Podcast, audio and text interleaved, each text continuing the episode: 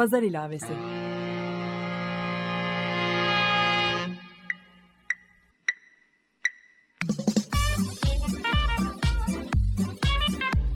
...1936'dan günümüze 80 yıllık bir zaman tüneli.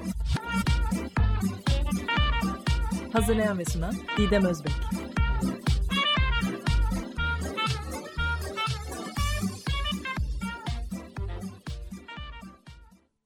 Merhaba sevgili Açık Dergi dinleyicileri. 1936 gündemini günümüze bağlayan pazar ilavesini dinlemektesiniz. Ben program yapımcınız Didem Özbek. Bir konudan diğerine ilerleyerek sürdürdüğüm pazar ilavesini sergi kelimesinin sözlük anlamından yola çıkarak ve 20 Mayıs 1936 Çarşamba tarihli Kurum Gazetesi içeriğini günümüz gündemiyle ilişkilendirerek devam ettiriyorum. 2012'den beri üzerine çalıştığım çok katmanlı bir görsel sanat projesinin sözel çevirisini Açık Radyo'da sergiliyorum. Bugünkü pazar ilavesine aslen bir sanat projesi olan radyo programımın içeriğini besleyen ve 20 Mayıs 2012 pazar günü yani tam 76 yıl sonra reprodüksiyonunu gerçekleştirdiğim Kurum Gazetesi'nin künyesini Levent Üzümcü'nün sesinden sizlere dinleterek başlamak istiyorum. Devamında ise 1936'dan 2012'ye yani eski ve yeni Türkiye'de gazete yayınlamanın nasıl bir durum olduğunu Cumhuriyet Gazetesi Genel Yayın Yönetmeni sevgili Can Dündar'la konuşacağız.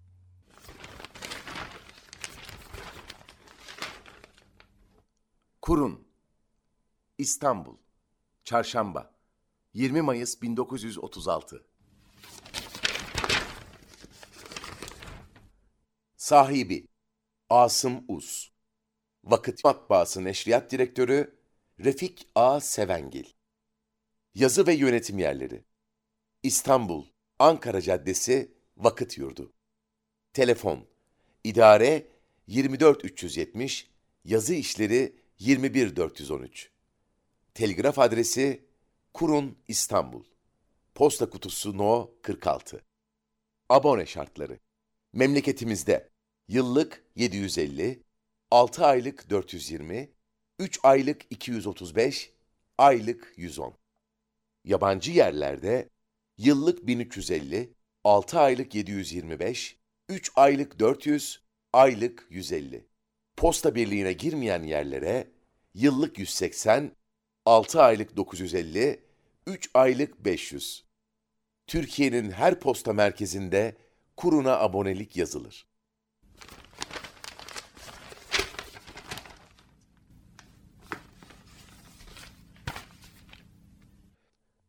Merhaba Can Bey. Öncelikle vakit ayırıp programa katıldığınız için çok teşekkür ediyorum. Rica ederim memnuniyetle.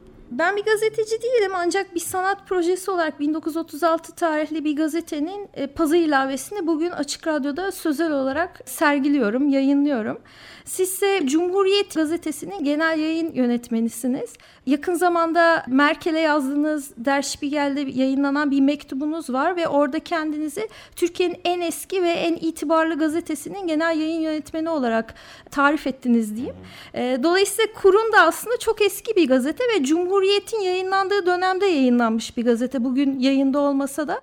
80 yıl önce Kur'un gazetesinin yayın yönetmeni olan Refik Ahmet Sevengil de aslında sadece yazılarıyla değil sesiyle de tanınan bir kişi çünkü radyocuymuş kendisi. Dolayısıyla toplumda çok sevilen sayılan bir isim. Sizin de bence diğer yayın yönetmenlerinden en önemli farkınız aslında televizyon geçmişinizle ilgili olarak ve ayrıca da belgesel de yapıyorsunuz. Dolayısıyla toplumda çok sevilen bir insansınız ve çok eski bir gazetede yani Türkiye'nin en eski gazetesine aslında güncel bir ses getirdi sizin genel yayın yönetmeni olmanız ve bir sene oldu sanırım. Türkiye'de 80 yıl önce yani 1936'da yayınlanan herhangi bir gazetenin yayın yönetmeni olmakla 80 yıl sonra yani bugün 2016 yılında yayınlanan herhangi bir gazetenin genel yayın yönetmeni olmak arasındaki fark sizce nedir? Öncelikle bunu sormak istiyorum. Tecrübenizi paylaşabilir misiniz? Teşekkür ederim iltifatlar için. Ben belki de son kuşak olduğumuzu düşünüyorum. Bir basılan gazetenin son kuşak genel yayın yönetmeni olabilirim. Çünkü kaybolmakta olan bir mesleği neredeyse son temsilcileriyiz. Dolayısıyla bir gazetenin genel yayın yönetmeni olmayı bırakın bir gazetede çalışıyor olmak bile belki artık tükenmekte olan bir mesleğin son kuşağına mensup olma anlamı taşıyor. Bir yanıyla üzücü, bir yanıyla kaçılmaz bir süreç bu. Belki hani kurumla değil de papyrus'un ilk keşfiyle başlanabilir. çok uzun bir yol geldik ve bu yolun sonunu görmek bize kısmet oldu. Yani birer birer aslında insanoğluyla kağıdın ilişkisinin bitmeye geldiği noktadayız. Ve o noktada görev yapmak gibi bir duruma düştük. Bir yanıyla bu önemli. Öte yandan da gazete çıkarmanın son derece riskli, tehlikeli, cesaret gerektiren bir iş duruma dönüşmesi bir başka sorun. Yani ilk sorun kağıdın giderek yok olması, gazetenin gözden düşmesi ise ikinci sorun itibar olarak, gazetenin nicelik olarak gözden düşmesi ve itibar kaybetmesi gazetecinin. Bu tür iki sorunla yüzleşirken bir yandan da işte ülkede halka haberdar etmek gibi, iktidarın suskunluğa büründürmeye çalıştığı bir topluma ses vermek gibi ve gazeteciliğin onurunu yaşatmak gibi sorumluluklarınız ve görevleriniz var. Bunları yerine getirme mücadelesi bu muhtemelen kuruna göre, kurun dönemine göre çok daha ağır sorumluluklarla yüz yüze bırakıyor bize. Ben de açıkçası demin sizin söylediğiniz konuya katılıyorum. Ben kendim de bugün aslında çoğu zaman gazeteyi internet üzerinden okuyorum. Ama şu an 80 yıl önce yayınlanan bir gazeteyi kütüphanede bulup tekrar tıpkı baskısını yaparken artık online gazeteler sürekli kendini yeniliyorlar. Dolayısıyla gazete aslında sürekli içerik değiştiriyor. Yani o günün gazetesi diye bir şey yok. Günlerin gazetesi bir araya geliyor. Çünkü mesela kurun döneminde dijital yayın olsaydı yani online yayın ben bir sanat projesi olarak bunu yapamazdım. Aynı şekilde sizin mesela şu an hala dava süreci devam eden diyelim ki Cumhuriyet Gazetesi'nin manşetlerinden birini 80 yıl ya da 100 yıl sonra birisi bir sanat projesi olarak belki değerlendiremeyecek bilemiyorum. Ama şunu merak ediyorum ben. Bugün özellikle gazetelerin kapatıldığı, el konulduğu ya da bu tip korkuların yaşandığı günümüz Türkiye'sinde e, gazete yayınlamak eskisi gibi mi? Yani nasıl bir şey? Bilmiyorum mesleğinizi eskisi gibi mi yaşıyorsunuz ya da farklı bir duygu mu var bu mesleği yaparken? Ya 1930'larla farklılıklara değindik. Benzerliklere değinmek gerekirse bir tür tek ses çıkma hali benzerliği kurulabilir. Çünkü muhtemelen 30'larda da kurunun yayınlandığı dönemde de çok farklı sesten gazetelere izin verilmiyordu. Ve bugün geldiğimiz noktada yani aradan bunca zaman geçtikten sonra hala Türkiye'de farklı ses çıkarmanın en azından riskli bedel ödemeyi gerektiren bir eylem olduğu gerçeğiyle karşı karşıyayız. Tabii koşullar çok değişmiş görünüyor. Baktığınız zaman büyük bir rekabet ortamı, varmış gibi görünüyor. İşte internet gibi sınırsız bir haber akan bir mecra varmış gibi görünüyor ama totalde bunların ben biraz efsane olduğunu düşünüyorum. Aslında mainstream medya dediğimiz medyada tamamen tek sesin hakim olduğu bir süreçten geçiyoruz. Bakın önümde şimdi bir sayı var bilmiyorum bunun üzerine konuşacak mıyız? Ama Cumhurbaşkanı'nın bir demeci var 1937 tarihli kurunda ve Başbakan'a aslında isim vermeden hitap eden ve onu hedef alan bir şey var. Çünkü Hatay meselesi gündemde köşk, Çankaya Köşkü acil bir çözüm bekliyor ve belli ki başbakan 15 gün bana süre verin çözerim demiş. Fakat 15 günde ses çıkmayınca Cumhurbaşkanı onu bizzat çağırıp söylemek yerine kurun aracılığıyla seslenmeyi tercih etmiş ve 15 gün bekleyin dediniz bekledik 16. gündeyiz vaziyet nedir ne olacaktır diye Atatürk'ün demeci kurunun manşetinde yer alıyor. Geldiğimiz noktaya bakalım. Aradan 80 yıl geçtikten sonra ülkenin Cumhurbaşkanı ile Başbakanı arasında bir çekişme var. Ve biz bunu işte Sabah gazetesinin onların fotoğrafını yayınlama oranlarına bakarak oradan tespit etmeye çalışıyoruz.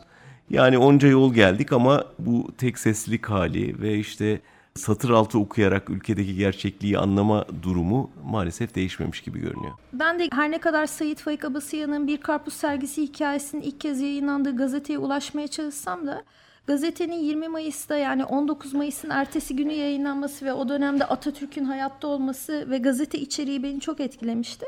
Ama 2012'de ilk defa 19 Mayıs törenleri artık stadyumda resmen kutlanmayacak kararı alınmıştı. Dolayısıyla gazetenin tıpkı basımını gerçekleştirirken üzerine bir renk müdahalesinde bulundum ve o dönemde gündemde olmayan haberlerin de üstünü kapattım. Bunlardan biri de 6 sayfa 19 Mayıs törenleri. Bugün için çok büyük mevzu olan kızlı erkekli bir kutlama töreni var. Bugün 2016'ya geldiğimizde yakın zamanda 23 Nisan 2016'da da Türkiye Büyük Millet Meclisi normalde bu tip bayramlarda yaptığı kutlama ya da resepsiyonu gerçekleştirmedi ve ilk defa sanırım Türkiye Cumhuriyeti'nde bir gazete ki Cumhuriyet Gazetesi böyle bir resepsiyonu gerçekleştirdi. Sizin öncülüğünüzde diyeyim aslında kimilerinin hoşuna giden kimilerini gene sinirlendiren diye düşünüyorum. Buna cesaret ettiniz siz gazete olarak. Ben şunu merak ediyorum. Gene bu gazetecilik üzerinden ve günümüz Türkiye'si üzerinden konuşursak Cumhuriyet bir gazete ya da bir yönetim şekli olarak nasıl var olacak onu merak ediyorum. Aslında normal demokratik bir toplumda gazetelerin bu tür işlevleri olmaz, bu tür eylemleri olmaz, bu tür resepsiyonlara gazeteler öncülük etmez. Fakat Türkiye normal demokratik bir toplum değil. Yani kurumların kendi işlevlerini yerine getirdiği bir yerde gazeteye düşen haber vermek, habercilik yapmak, olayları yorumlamaktır. Bunun ötesinde bir noktaya geçtiğimizi hissediyorum. Yani bir gazetenin meclisin yerine 23 Nisan resepsiyonu düzenlemesi elbette çok alışıldık bir şey değil. Ama ülkede kurumlar işlemediği zaman, demokrasi, laiklik, hukuk devleti, insan hakları gibi kavramlar tehlike altına girdiği zaman bir gazete artık bir gazete olmanın ötesine geçiyor ve o gazeteye bazı sorumluluklar biniyor. Aslında bence sadece bir gazeteye değil, bütün kurumlara sorumluluk yükleyen bir durum bu. Aynı şekilde üniversitelere de belki derneklere de sendikalara da sorumluluk yükleyen bir şey. Biz bu sorumluluğu hissettik. Ben kişisel olarak o gün o resepsiyonun düzenlenmeyeceği haberini okuduğum anda e biz yapalım o zaman dedim. Çünkü Cumhuriyet, Cumhuriyet'le yaşıt bir gazete.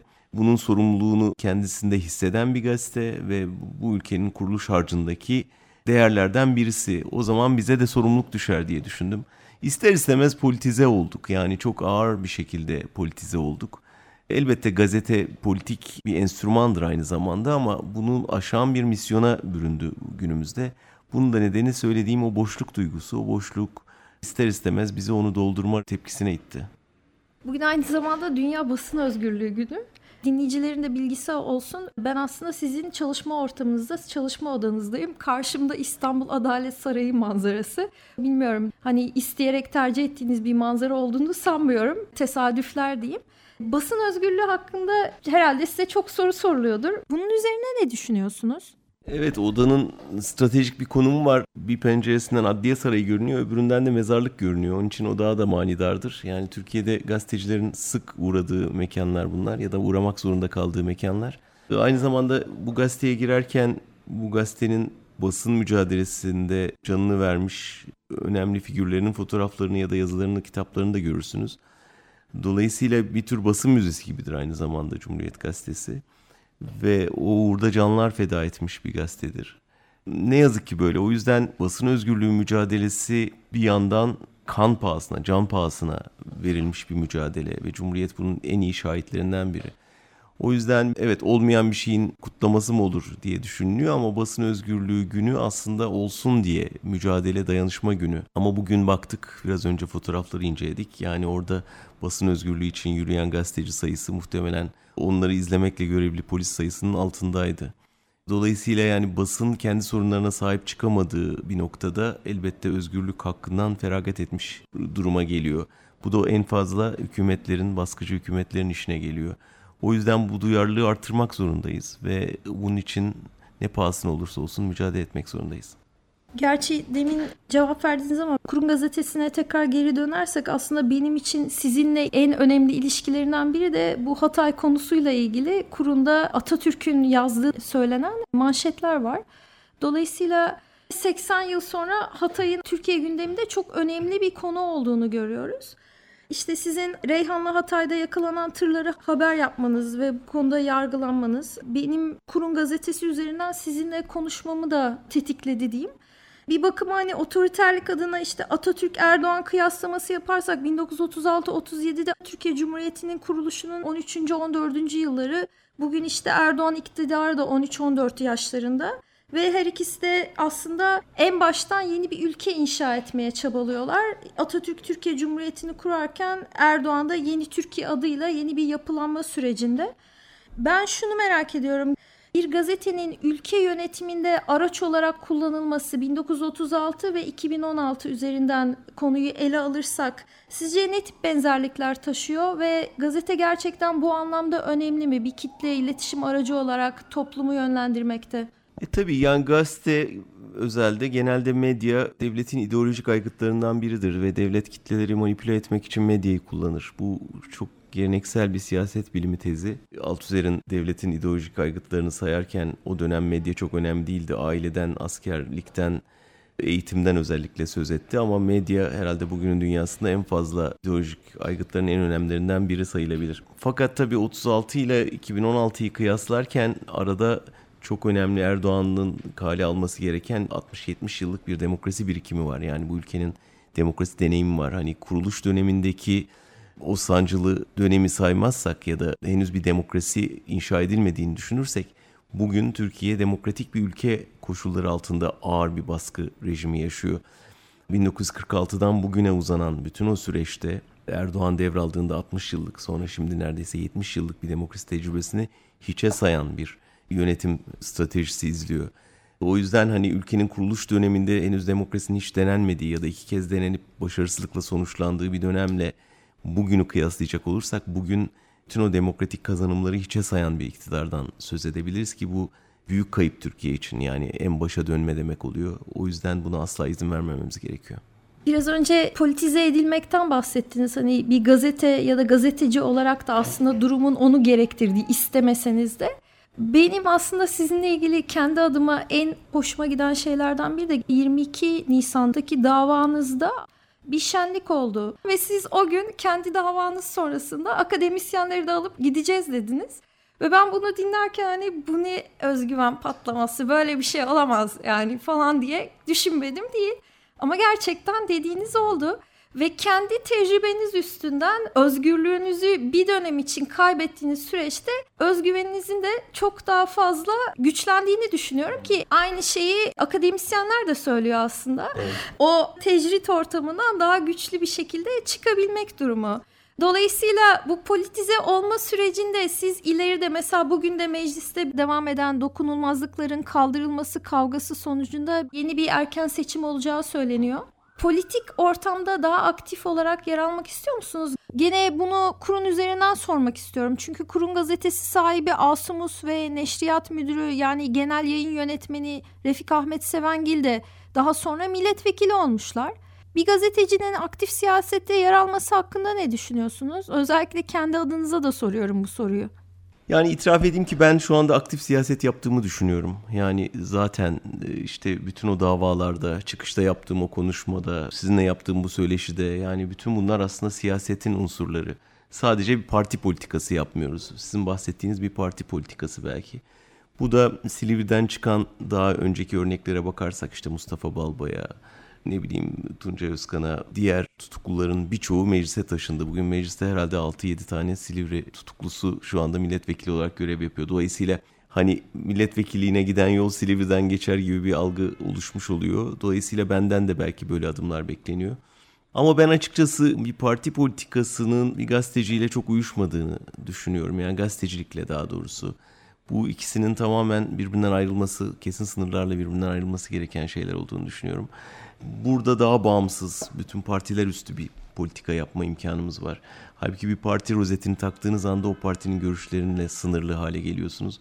Bu benim bağımsızlık ve özgürlük anlayışıma ters düşen bir şey. Ama bir yandan da gerçekten hani ülkenin bulunduğu koşullar açısından hepimizin siyasete çok daha yakın ve sıcak bilgi göstermemiz gerektiğini düşünüyorum. Onun için daha aktif olacağımı düşünüyorum. Belki kişisel olarak, belki bir bireysel aktivist olarak, belki bir sivil itaatsiz olarak ya da ne bileyim bir insan hakları savunucusu olarak mutlaka o mücadelenin içinde olacağım ama parti politikası bana göre değil diye hissediyorum şu anda en azından.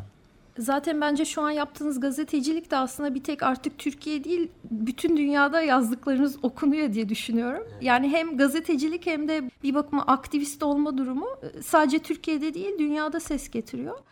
Vakit ayırdığınız için çok teşekkür ediyorum. Kısıtlı zamanınızda ben size teşekkür ederim. Hem kurunu iade etmiş olduk hem biraz o günden bugüne bakmış olduk. Çok teşekkürler. İyi yayınlar diliyorum. Evet sevgili dinleyiciler bugünkü pazar ilavesini Can Dündar'dan bir istek parçasıyla tamamlamak istiyorum.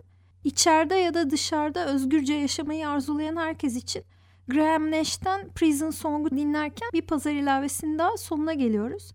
Pazar ilavesinin geçmiş bölüm podcastlerini Açık Radyo.com.tr ve pazar ilavesi blogspot.com adreslerinden dinleyebilir. Gelecek bölüm içeriğini pazar ilavesi Twitter adresinden takip edebilirsiniz. Ben Didem Özbek, her türlü ifade ve yaşam hakkımızın değer kazandığı, egemenlik ve özgürlük haklarımızın engellenemeyeceği güzel bir gelecek için çalışalım, üretelim, tartışalım, paylaşalım, pes etmeyelim diyorum. 1936'dan günümüze haftaya yeni bir bölümde görüşmek üzere.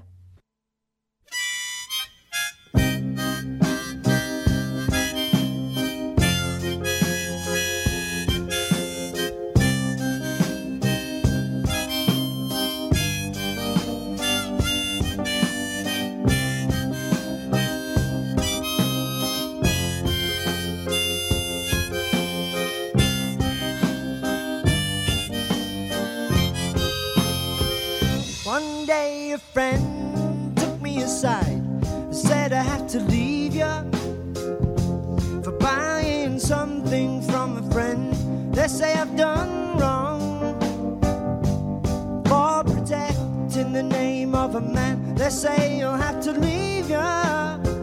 So now I'm bidding you farewell for much too long. And here's a song to sing for every man inside. If he can hear you sing, it's an open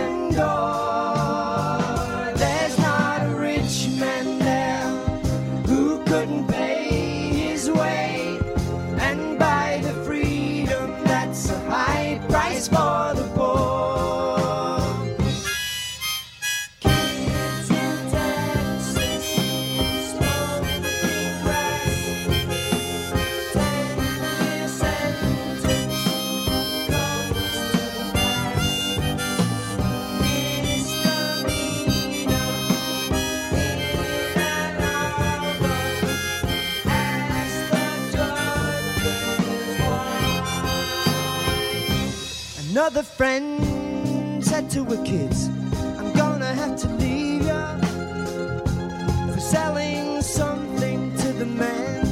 I guess I did wrong. And although I did the best I could, I'm gonna have to leave ya. So now I'm kissing you farewell for much too long. And here's a song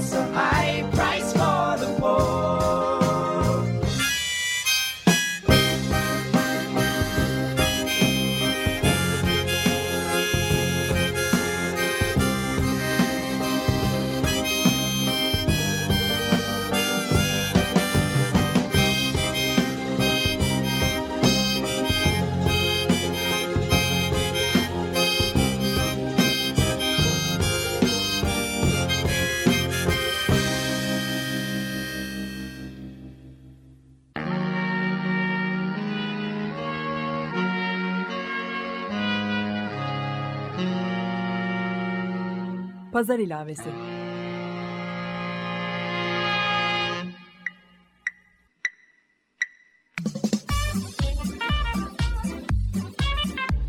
...1936'dan günümüze 80 yıllık bir zaman tüneli. Hazırlayan ve sunan Didem Özbek.